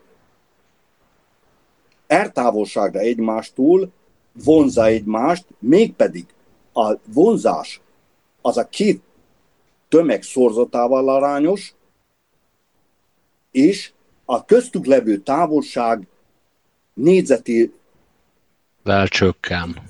Csökken. Nézővel arányosan csökken. Messzi, ha kétszer olyan messzi van, négyszer, négyszer kisebb lesz az erő, és így tovább, és így tovább, tehát hogy, hogy ez. És ha ezt még ide tesszük, és van egy kis időtök, és tudtok számolni, ez alapján kiszámolhatjátok a naprendszert, hogy mi, hogy mozog, mint mozog, mert, mert és Jó, ez, az, hogy ezt majd meg, meg fogom mutatni, hogy nem látod? Ott van a nap, vagy itt van a föld, és a végtelenség lassulás nélkül megy. Tehát ez a, ez a lényeg. És az autóversenyből úgy jön, hogy az autónak ez a gyorsulás adja a súlyát. Mert ugye mm. itt egyszer átmondtuk, most ha az autó áll, tehát vegyük a legegyszerűbb a dolgot, az autó áll, akkor annak a, a, az az erő, amit nyomja le a talajhoz, az M G, mert G a, a, a nehézségi, nehézségi gyorsulás. gyorsulás. A nehézségi gyorsulás. Ha megnézzük, ezzel szemben van a négy kereke, és az azon ébredő erők pontosan kiadják ennek a súlyerőnek az ellentétét. Tehát a súlyerő, itt jön be eh, a harmadik törvény, a súlyerővel, tehát ami leszorítja a kocsit, ellentétben van, a, a, ahogy nyomja a kerekeket mm. a, a talajhoz. Mm. Bocsánat, Most itt lenne, itt, itt, itt lenne egy, egy, egy közbevetés, ami egy autóversenyzős, meg ilyen szimulátoros témában, tehát a, a meg hogy hogy fejlődtek a szimulátorok, ugye, amit Gábor is említett. Tehát nagyon sokáig az volt a, a, a szimulációs modell, hogy van egy, az autó volt egy téglatest, ami a te, középtengelye körül tudott elfordulni, és szerintem feltételezés volt az, hogy a, a kerekek, tehát a, a, amit mondtál, apu, hogy a kerekek, tehát a súly, minden keréken ugyanannyi súly van. És így, ez, ez egy elég, elég durva egyszerűsítés, nem? Mert a, tehát a, egy csomó dinamikát visz bele abban, hogy... Nem, tétlen, én nem azt mondtam, hogy, hogy ugyanaz van. Tehát, hogyha ja, nem csak cizel, cizel, cizelláltam a gondolatmenetemet, csak hogy uh, kíváncsi lennék, hogy Geri mit akart mondani.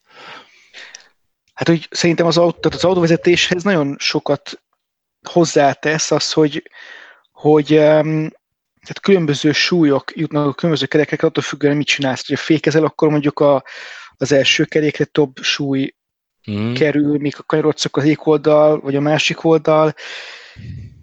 Ez, és ez, ezt elég durván figyelembe kell venni, és hogyha ezt nem csinálták a szimulátorok, az egy elég távoli élmény de, lehet. De hát egyébként a, a, azok a szimulátor nagyon gyenge lehetett, mert... Hát meg, bocsánat, azért, hagy védjen meg őket, a számítástechnika is gyenge volt. Tehát ja, úgy, hát ez igaz. De egyáltalán... De amit, egyáltalán, még amit Geri mondott arra így, így reflektálva, és hát nincs sok ilyen autóversenyzési tapasztalatom, de voltam, vezettem párszor egy becsövezett RX-8-at, meg hát ilyen játékokba játszottam, és konkrétan, amit Gary mondott, arra, arra van egy ilyen autóversenyző fogalom, a weight shifting. Tehát a, a, a, Hát pont, amit Geri mondott, tehát azt az autóversenyzésben, most nem tudom, hogy Forma 1-ben mennyire, mert ott ugye aerodinamikai leszorító erő, meg ez, meg az, de mondjuk GT autókban, tehát a normál kasznis autókban, azt a pilóták, azt, és van egy-két sztori ilyen autóversenyzőről, aki, aki így, így meg tudta mondani hogy minden pillanatban, hogy a, az autó kerekein mennyi súly van, és ott mondjuk egy kanyarodásnál a, ott azt igenis figyelembe veszik, a, meg úgy tudnak igazán gyors köröket menni, hogy ha tehát lehet, hogy egy kanyarban nem is kéne fékezni, mert elférne az autó, de mondjuk beletesznek egy gázelvételt, csak azért, hogy az autó egy kicsit bólincson előre, amivel egy, egy pillanatra elől nagyobb a tapadás, magyarul gyó, ö, ö, erősebben tud kanyarodni. Csak itt egy kicsit előre szaladtunk, mert én itt még a statikus állapot van, tehát áll a kocsi, de akkor se föltétlen egyforma erők ébrednek a kerekeket, vagy egyforma erővel nyomják a kereket a, a talajt, hiszen lehet, hogy hátul van a motor. Tehát én el tudom képzelni, hogy forma egy... Ja, így, persze. Aha. és egy vékony jégre rámész az elejével, az látszik, hogy ott nekem legalábbis az az érzésem, hogy, hogy hátul van minden súly, és elől alig van súly. És lehet, hogy azért kell elmenni, tehát ezt ki kell használni, hogy, hogy, hogy hát, uh, nagyobb legyen ott a tapadás.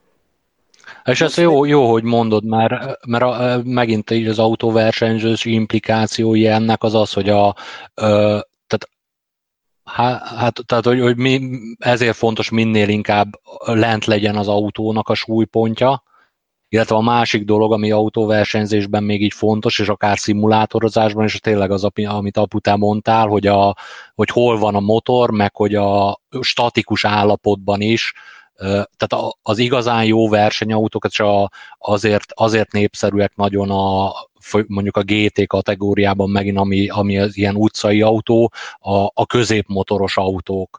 Mert ugye akkor a, a nagy súly az autó közepén van, amiből az következik, hogy a, a kerekeken a súlyeloszlás az, az 50-50 százalékos. Tehát normál állapotban tök semleges az autó. Aha.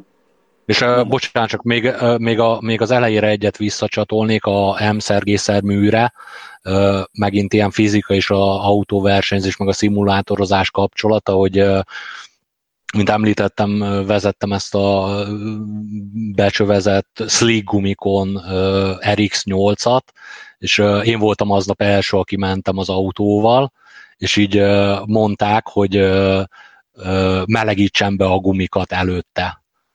És én meg úgy voltam vele, hogy hát én itt, mit tudom én, kis sehonnai emberként, hát csak nem fogok úgy végigmenni a pályán, mint mit tudom én, egy, egy for, vagy egy rendes autóversenyzésnél, ahol itt tényleg így rángatják az autókat jobbra-balra, mert hogy nem vagyok én akkora nagy szám, és első körben nem melegítettem be, be jól a gumikat, és utána Euroringen van a célegyenes ráfordító, tök mindegy, egy jobbos kanyar, és ott az volt, hogy nem voltak melegek a gumik, nem, nem, nem, tehát nem úgy vadállatként léptem rá a gázra, hanem úgy szépen lassan adtam a gáz, hogy elinduljon az autó, hogy, hogy gyorsuljak a, a következő körre, és egy másodperc alatt azon vettem észre magam, hogy kb.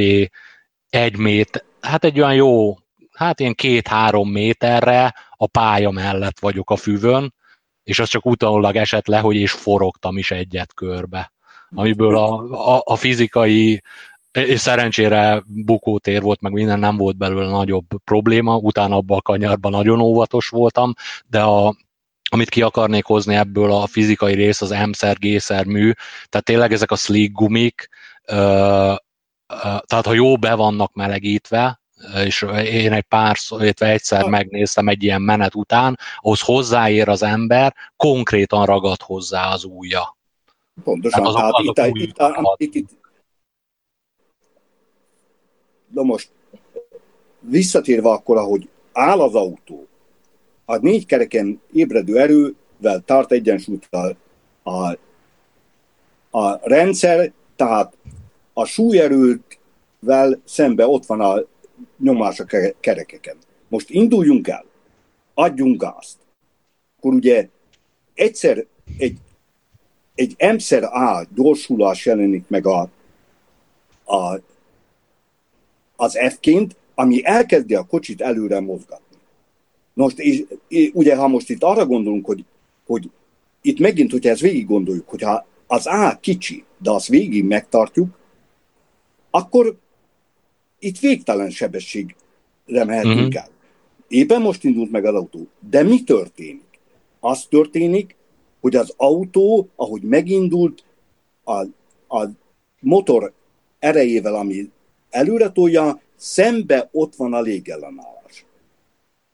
Meg a súrlódás, és a tapa, a tehát a, a kerekek, kerekek súrlódása is de hát az gördülő súrlódás az nem, az, az nem, olyan, nem olyan érdekes. Itt Isten igazából a nagy erő a, a levegő ellenállása. Na most a levegő ellenállásról azt kell tudni, hogy a sűrűségtől, ettől, attól, amattól függ, meg egy effektív keresztmetszettől, és az ezáltal kifejtett erő az meg a V négyzettel arányos. Mm. Tehát ha kétszer gyorsabban mész, kétszer akkora erő fogja vissza a kocsit.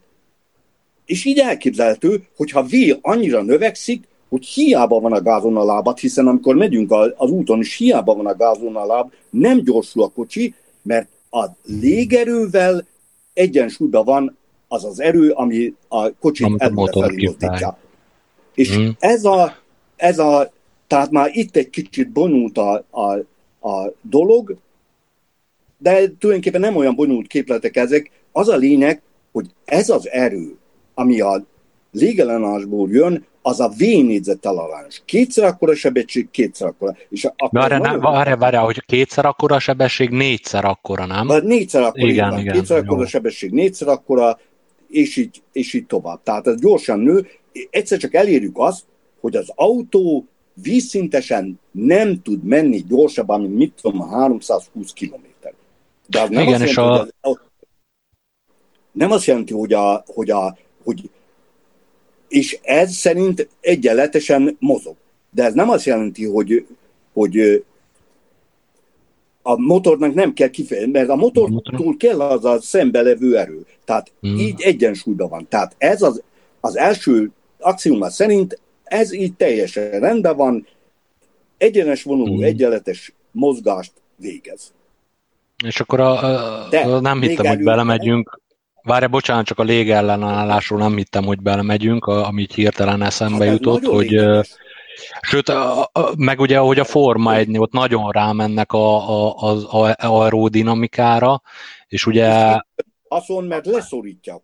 És, az, és azért, és, és várja, annak, annak mi a fizikája, hogyha van egy egyenesen egy Forma 1-es autó, megy nagyon gyorsan, és nagyon nagy a leszorító erő, nagyon nagy a leszorító erő, de viszonylag nem olyan így. nagy a légellenállás.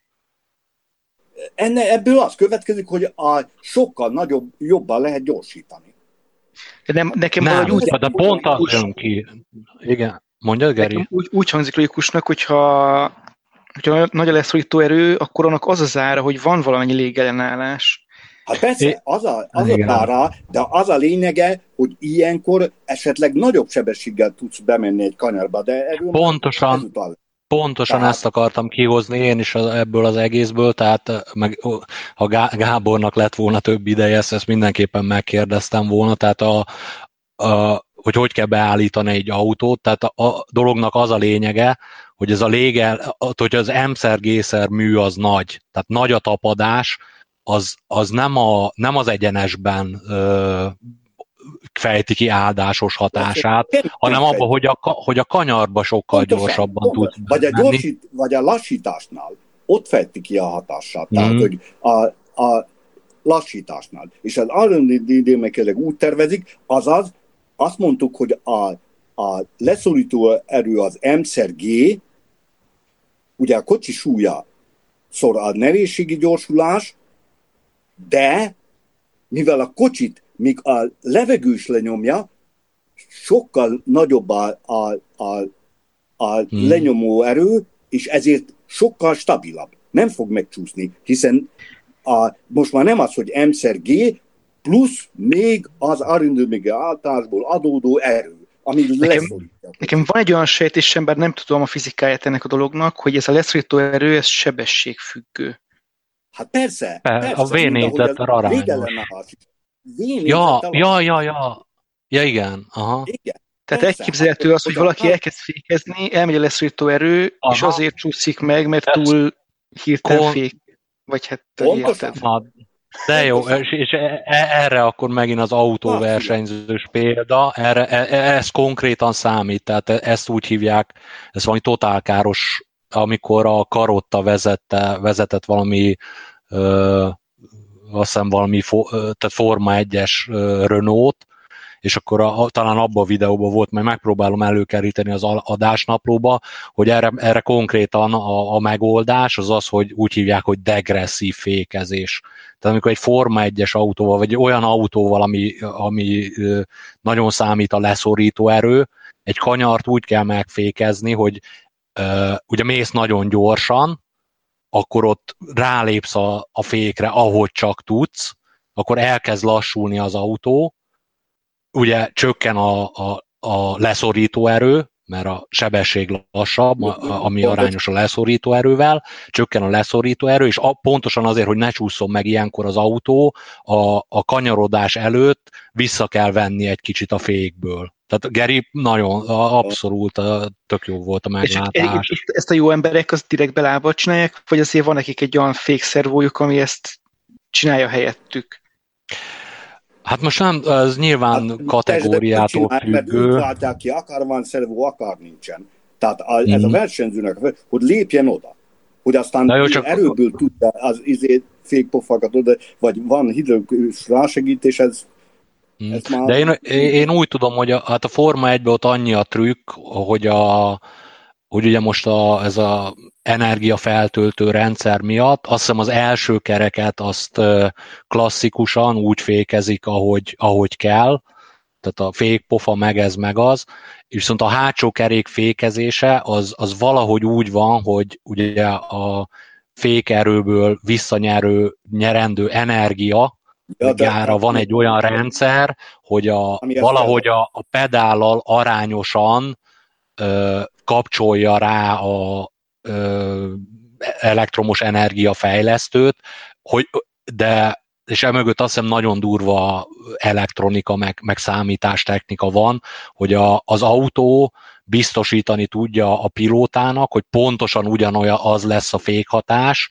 mint hogyha mechanikusan fék, tehát a, konkrétan a fékpofákkal mechanikusan fékeznék meg az autót. De hát azt, azt a kocsiba is tapasztaljátok meg, hogyha ha kikapcsoljátok és üresbe teszitek, és elkezd gurulni, és próbáljátok meg fékezni, és akkor majd tapasztaljátok, hogy mi az, amikor szervó rásegítés van. Ugye, mert akkor nincsen szervó rásegítés, és akkor nagyon kell nyomni a izét. Mm. De ott, ott, tartottunk, ott tartottunk, hogy megindultunk, és ugye itt jön a következő probléma. Még nagyon kicsi a sebesség, tehát leszorítás nincsen, de ha túl nagy F-et adunk, túl nagy gyorsulás lesz, hogyha az F nagyobb, tehát ugye úgy, hogy, hogy van az erő, M-szer A, és a másik oldalon műször V, M-szer G-szer M-szer G-szer műször V, mind a két helyen szerepel az F, ha azt lehúzzuk, illetve szerepel az M, tehát az M-től független, ez csak, a, csak nem függ a, a, a kocsi tömegétől, és akkor végül is az jön ki, hogy a, a maximális Mű. gyorsítás nem lehet nagyobb, mint a műször G. Ugye, Így mert van. itt M-szer A szerepelt, ott M-szer G, ugye a vevé az M, G. M kiesik, igen. M kiesik, azaz, ez nem függ az M-től. Ugye, mert, mert a, a súrlódás is arányos a súly, hát ha beírja M-szer A egyelő M-szer G-szer mű. Emmel leegyszerűsít el. Hmm, van. És a, itt megint utalva arra, amit Weber Gábor mondott, hogy ugye a Forma 1-es autókban nincsen, minek ez nem az ABS, a e, kipörgésgátló nincs. Tehát ugye a, a, a, ami, ami, ami pont arról szólna, hogy érzékeli az autó, hogy túl nagy a, az F, és akkor levesz a motor teljesítményből, tehát Forma, Forma 1-ben ilyen nincs, az, azt tudom, hogy GT autókban ott, ott, ott ilyen, nem is tudom, ilyen kilen, tehát nagyon sok fokozatú kipörgésgátló van. Tehát ott egy, ott egy kicsit, hogy mondjam, nincs, annyira, piló, nincs annyira pilótára bízva. Bocs, mit mondtál? Unalmasabb, mennyivel unalmasabb lenne a Forma 1, hogyha, hogyha lenne ilyen kicsúsz, ilyen izé, kipörgésmentesítés. Hát itt hát látszik, hogy mindenki izgul, mennyire lépjen oda, hogy ez a gyorsulás kisebb legyen, mint az akkor érvényes súrlódási erő szöragé. Mm. És az Mert ha nagyobb, abban a pillanatban megcsúszik, és ami ugye nagyon nagy veszély ebbe az izébe, hogy utána a, a csúszósúrlódás az jóval kisebb, mint a mint a tapadó surlódás, tehát ilyenkor elszáll az autó. Vagy nem indul meg, vagy elkezd szitálni. Mm. Nem indul meg. Tehát ez egy, ez egy Aha. lényeges, hát... és akkor végig vissza kell venni, mert akkor, ha nem, ha, ha forog a kerék, akkor az nagyon kis erőt fejt ki, hogy menjen előre. Tehát Igen, erre hogy... így, így két, két, két dolgot reflektálnék erre, hogy a, a tehát a, megint ez a slick gumis kicsúszás, hogy a, a, meg egy normál gumihoz képest, tehát a, a slick guminak sokkal jobb a tapadása, ugye, mert sima a felülete, meg olyan anyagból van meg ez, meg az, meg amaz, de amikor az elmegy, akkor az elment. Tehát egy, egy normál guminál, hogyha kicsúszol, akkor sokkal ö, könnyebb visszaállítani a tapadás, mint egy slick guminál. Mert ott, hogyha elment, ott elment, akkor igen. ott, ott valamerre igen, megy az igen, autó. Tehát az, az, az teljesen sokkal gyengébb súrlódás. Ugye, hogyha, hogyha a, ez, a, ez a csúszó súrlódás az jóval kisebb, mint a tapadó súrlódás. Mm. Ennek az a föltétele, hogy az, a gyorsítás nem lehet, a, a gyorsulás nem lehet nagyobb, mint a műszörgé. És a mű, hát nem tudom ezeknek a izék, hát ez rengeteg mindentől függhet ez a, ez a mű. Nem tudom pontosan, hogy itt mennyi szokott lenni. Itt valami egy, Na, egy egész, nagyon durva, egy nagyon durvák. Én azt hiszem, hogy volt egy olyan korszak itt a, a gumifejlesztésben, amikor azt mondták, hogy a, az egy a, az a maximum, és most már ott tart a, majd kerítek rá egy cikket a, a, az adásnaplóba, hogy már egy fölött vagyunk. És mondom, régen a mérnökök így meg voltak győződve, hogy egynél több nem lehet, és még egyet reagálva erre, amit mondtál apu, és akkor utána szerintem így, így kiveséztük ezt a témát annyira, hogy meg már elég kezd így késő is lenni, fáradunk. Csak még egyre reflektálnék, hogy a, amit mondtál, ahogy indul az autó, tehát ott a, meg a súlypont, amiről beszélgettünk, tehát itt, itt nagyon számít az, hogy első kerekes az autó, vagy hátsó kerekes az autó. És a, a, az igazán sportautók, azok pont azért...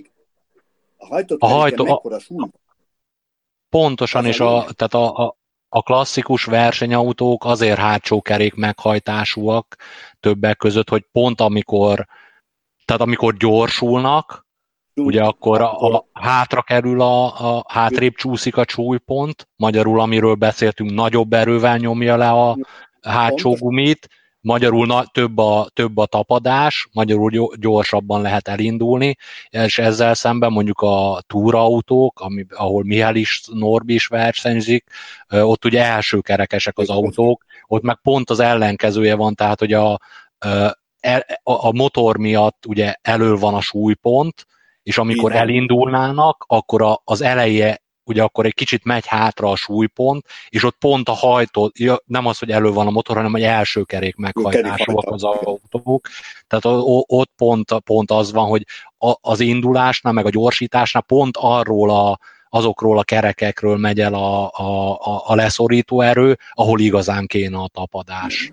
Pont, pontosan, pontosan. Jó, szerintem így a fizikát kibeszéltük, még annyit mondani, lehetne ezt is, mint ahogy Weber Gáborra is végtelenül. Apom egyet, jó? Meg utána Gerinek egy kérdés, és akkor jó. szerintem jó, így ki, ezek hát, hogy, a, hogy hogy jön ebbe bele a kanyarodás. Az, amit mondtam, hogy a kanyarodás, ha elkezded a kanyarodást, azonnal ébred egy centrifugális, centripetális erő, és erre ugyanúgy vonatkozik, hogy oldalra el akarja nyomni, tehát egyenesbe akarja tartani, tehát hogyha belerohansz egy ilyen kanyarba, ugye amíg egyenletesen mentél, a tapadással nem volt gond, hiszen nem ébredtek erők, de abban a pillanatban, amikor belemész a kanyarodásba, abban a pillanatban egy óriási erő ébred, illetve V négyzet per R gyorsulás, tehát a sebesség négyzetével arányos is a, a sugárral fordítva arányos, és ezért találták ki az ideális ívet, hogy olyan íven forduljanak, ahol az R maximális legyen. Így van. És akkor így végig a megcsúszás határán tudsz menni. És, és igaz ugyan, hogy a... Meg, ha jól választod meg a, a sebességet, akkor végig a megcsúszás, hiszen a Forma egy végig arról szól, hogy a megcsúszás határán vezetni. Indulásnál, fékezésnél, kanyarnál. Mert ha nem Igen, ezt teszed, akkor lemaradsz, ha meg Akkor időveszteség, és vége. Akkor game over. Igen, tehát, és a, tehát e... ez a lényeges, tehát ez a tehetetlenség erőjön be, mm. erről van szó. Így van, ezt, és ezt a... magatok zsérzitek, hogy a kanyarodtok autóval, hogy mm. Jó, az adásnaplóban majd, majd találok valami cikket, a, a, ami akit érdekel, az így utána olvashat, hát még lekerekítve ezt a... Ezt a izét. Ah, ezt a Physics of Racinget, de az egy, tehát annál vannak jobbak is, majd próbálom, ez, ez, ez Igen, mert ez itt nagyon részletekbe is belemegy, meg, meg mit tudom én. Jó, hát találok valami jót, akkor beteszek. Még itt ez az ideális ívvel kapcsolatban egyetlen egy megjegyzés, hogy a, a, a, amit apu is mondott, hogy a, a tehát, hogy itt az a dolognak a lényeg, hogy minél gyorsabban érjünk át a kanyaron, mert ugye a, a, az ideális ív, amit mondtunk, ez a, az igazából, nem menjünk bele a levezetésbe, de az úgy hívják, hogy a maximum constant radius, tehát a, ideális körülményeket véve egy ideális jobbos kanyarba, az a, az ideális ív, az a, abba a kanyarba berajzolható legnagyobb Nagyobb, konstant sugarú kör. Kör, így van. És, és, és a, erre, a, és ezt előre is ki lehet számolni, hogy itt me, mekkora gyors. Mm. Tehát, hogy egy táblatot oda nyomni a versenyzőbe, hogyha ebbe a kanyarba ha nem derékszögű, akkor is így mész be, akkor ilyen erő hmm. épület. Gondolom, és a... megtanulják, minden pályára megcsinálják, és megtanulják hát ez, a versenyzők, hogy... Persze. És a, igazából még a, csak így a fizikai részéről, ami talán egy ilyen kicsit ellenmondás ebbe az ideális ívben, hogy a, ez nem a legrövidebb út a, a, azon, arra, hogy e, azon a kanyaron átmenjünk, pontosan, mégis ez a pontosan. leggyorsabb. Én annyival bonyolítom ezt meg egyébként, de nem tudom, hogy ezt be akarunk-e menni, de most már belemegyek, hogy általában nem egy kanyar van egy pályán. Hát igen, az, e, ezt akartam elkerülni, mert erre én is reflektálnék, de a... Akkor ezt majd a következő részben me, megbeszéljük. Nem, várja, megpróbálom rövidre fogni, tehát tényleg mondjuk, hogyha ha, ugye erre beszéltünk tényleg egy ideális jobbos kanyarról, de a, nem részletekbe menve, és mondjuk ilyen szimulátoros vagy autóversenyzős játékos tapasztalatból, az, az kijön, hogyha a, egy kanyart nem önmagát nézett, hanem hogy milyen kanyar kombináció része, akkor mondjuk van egy durva jobbal jobb, akkor a, az első jobbalt azt el kell rontani, ahhoz, hogy az utolsó jobbosból a leggyorsabban tudják kijönni. kijönni. Igen, igen. Hát igen, utána, az... A kijössz, a, kijössz a, az a lényeg, hogy, a, hogy igen, ez, tehát ez a legkisebb erő működik, de hogy ha ott elkezded már befelé húzni a kormányt, akkor gyorsabban tudsz menni, és mégse csúszol ki, mert sokkal kisebb íven mész. Tehát ez a, ez a, a legrövidebb idő alatt megteheted. Tehát a, a nem tudom, érted-e? Tehát, hogy a, uh-huh. amikor a belső íven elmentél, akkor nem, nem mész ki teljesen, mert én balkanyarba gondolkozom, tehát külső sávon vagy, ugye? És onnan indítod el, Hát most így hogy, po, po, podcastba, hogy, podcastba, hogy nem tudunk ábrát mutatni, úgy uh, szerintem nem menjünk bele, de, de tényleg, a, amit Geri mondott, annak az a lényege, hogy a, egy kanyar, so, sok kanyaros kombinációban ott, ott arra Na, kell figyelni, hogy az első pár kanyart nem az ideális íven venni, annak érdekében, hogy az utolsót, ami után hosszú egyenes jön, ahol nagyon számít, hogy milyen sebességgel mész, azt, azt hogy tud az ki? ideális íven hogy, venni. Pontosan, hogy hogy, hogy, hogy, jössz, hogy hogy jössz ki. És minden mellett, ugye itt erről nem volt szó, hogy ez fizikát, ez, ez egy letisztított valami, hogyha ez van. De ugye nem hmm. az, hogy sok kanyar van, hanem sok hülye versenyzős ott van. Tehát itt az, hogy, az, hogy egy kanyarban, hogy az, az attól függ, hogy mehetsz el pool pozícióba vagy-e, vagy, mm. vagy még a, a többiekkel ott kell gyötrődni. Hát mert én láttam olyat, hogy, hogy belső sávon mentek el a izé mellett, a valaki mellett. Tehát az ideális mm olyan mentés idő. De hát ezt eh, ma te jobban érted. Hát igen, most ilyenben igazából ta, talán ezt így a, vagy Geri, neked még van valami hozzá? Nem, én, én, én csak, csak méltatni akartam ezt a cikksorozatot, amit itt most eh, mondhatok, hogy van ennél jobb. Eh, szerintem ez vagyis nekem, nekem elég jól emlékszel, azért egyetlen bajom az volt vele, hogy hogy mérföldről beszél. Nem esi mértéke rendszer. Igen, igen. igen. igen. igen. De itt a fizika, fizikáról van szó, nem a, a, a tehát a, a, igen, de, bele, be, de nagyon bele, meg, meg, meg, mit tudom én, mi meg. Nagyon belezavar a gondolatmenetbe, a, a, hogy, hogy ott még ő oszt ilyen konstansokkal, hogy már Persze, hát minden, minden példa azzal van. Tehát ezt, ezt nyugodtan át lehet számolni, tehát ez nem egy olyan... Jó, hát az a, a, azt mindenképpen be fogom tenni így az adásnaplóba, viszont most azt mondanám, hogy tényleg tudnánk végtel, meg érdekel a téma, nem tudom, hogy ez így feltűnt, de most megint itt szállunk el az idővel. Itt talán ilyen záró gondolatnak még, amit így gondoltam így levezetésnek, hogy tehát én nem mondom azt, hogy egy akármilyen autóversenyző nek a, az agyában, amiről mi itt, és, és nagyon csak csipegettük itt a, a fizikáját ennek a dolognak, tehát itt, itt olyanokat tettünk föl, hogy a, hogy a kanyarban állandó sebességgel megyünk át. Az se igaz, mert jobban, be, benne van a, a cikkben le, le lesz írva, hogy tehát kicsit máshogy kell venni a kanyart, ahol, a, amiatt, hogy hanya, hamarabb tudjunk kigyorsítani. Tehát, hogyha nem, tétele, hát, nem van egy nagyon jó ábra is. Ott arról hmm. van egy nagyon jó ábra is. Tehát, tehát nem... meg hogy Geri, amit mondott, tehát az Apex, az a, az ideális esetben, tehát a belső érintési pont az ideális esetben az a geometriai közepe a kanyarnak, viszont annak, el, annak érdekében, hogy te jobban tudjál kigyorsítani, autótól függően, ez az Apex vagy a geometriai előtt van, vagy utána. De az már tényleg annyi mindentől függ, Na, de hát egy, van egy ilyen, amit küldtél, küldtél nekem, abban van egy ilyen ábra, ahol azt mutatja, hogy a kigyorsítás, hogy, hogy tehát éppen a kigyorsítás, hogy nagyobb ívre megy rá. Tehát nem következik. Igen, hogy ké, tehát ez, ez, ezt hívják late Apex-nek, tehát hogy a későbbre teszi a, az Apex-et, hogy a, aminek a, a, ha már belementünk, ott a gondolatmenetnek az a lényege, hogy lassabb ugyan a, a, a kanyar elején, viszont a kanyar végén tehát a több időt fordul, viszont a, a később éri el a, az Apex-et, de akkor már padlógáz. Vagy, vagy akkor, akkor már lehet adagolni. Van, jó, van, van erre egy nagyon jó ábra.